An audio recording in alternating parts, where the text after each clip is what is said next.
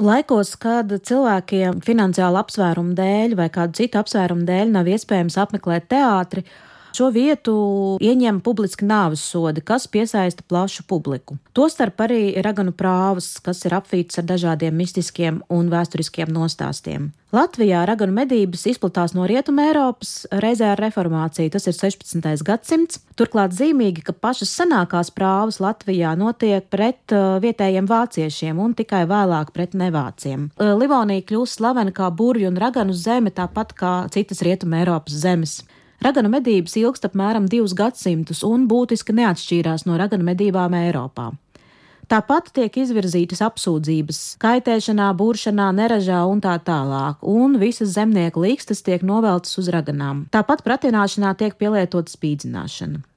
Līdzīgi arī sodīšana notiek sadedzinot. Interesanti ir tas, ka tas tiek uzskatīts par tādu dievam tīkamu veidu, jo notiek bez asins izliešanas. Par sevišķu soda mīkstinājumu tiek uzskatīta galvas nociršana pirms sadedzināšanas. Burju un raganu prāvas bija veiksmīgs līdzeklis, kā turēt paklausībā latviešu zemniekus un iedvest tiem bijāšanu. Sevišķi aktīvi sātana kalpu meklētāji ir vietējie mācītāji.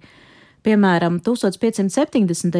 gadā Hercoga Ketlera apstiprinātais Kurzemes Lutāniskās baznīcas pamatlikums prasīja, lai baznīcas amatpersonas noskaidrotu, vai draudzes vidū nav ķeceri, burvi vai raganas, kas bija jāizslēdz no baznīcas, svinīgi jānolāda un attiecīgi jānodod laicīgai varai izmeklēšanai un sodīšanai ar nāvi.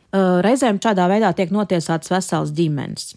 Pirmās raganas Latvijā sadedzināja 1559. gadā grobiņā, tad tas 16. gadsimta vidus, un tās bija divas sievietes, māte un meita, kuru vaina bija tā, ka ziemā viņām nekad neuzbruka vilki, kā arī ļoti labi padavās mājlopi. Un, protams, ka spīdzināšanā abas atzinās vēl arī daudzos citos noziegumos. Kā īpaša Latvijas specifika ir jāmin vilkaču prāvas, kas Eiropā ir sastopams visai reti. Pēc struktūras tās ir līdzīgas burju un draganu prāvām, bet tajās pamatā valda ticība, ka cilvēks var pārvērsties par vilku, skraidīt apkārt, darīt ļaunu un pēc tam atkal pārvēršoties atpakaļ par cilvēku. Latviešu folklorā mēs ļoti daudz sastopamies ar vilkaču teikām un nostāstiem, tomēr Kronikas, memoāri un citi vēsturiski avoti vilkačus piemin tomēr visai reti.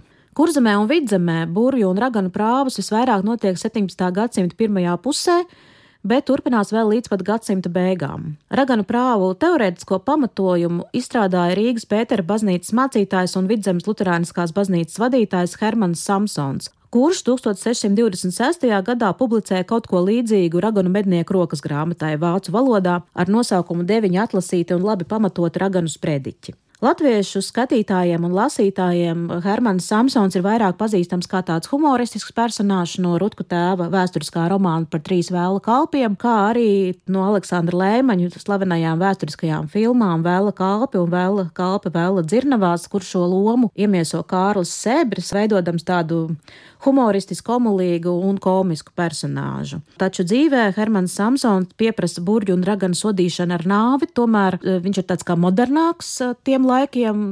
Atšķirībā no daudziem saviem laika biedriem, Samsons uzstājas pret aizdomās turēto spīdzināšanu.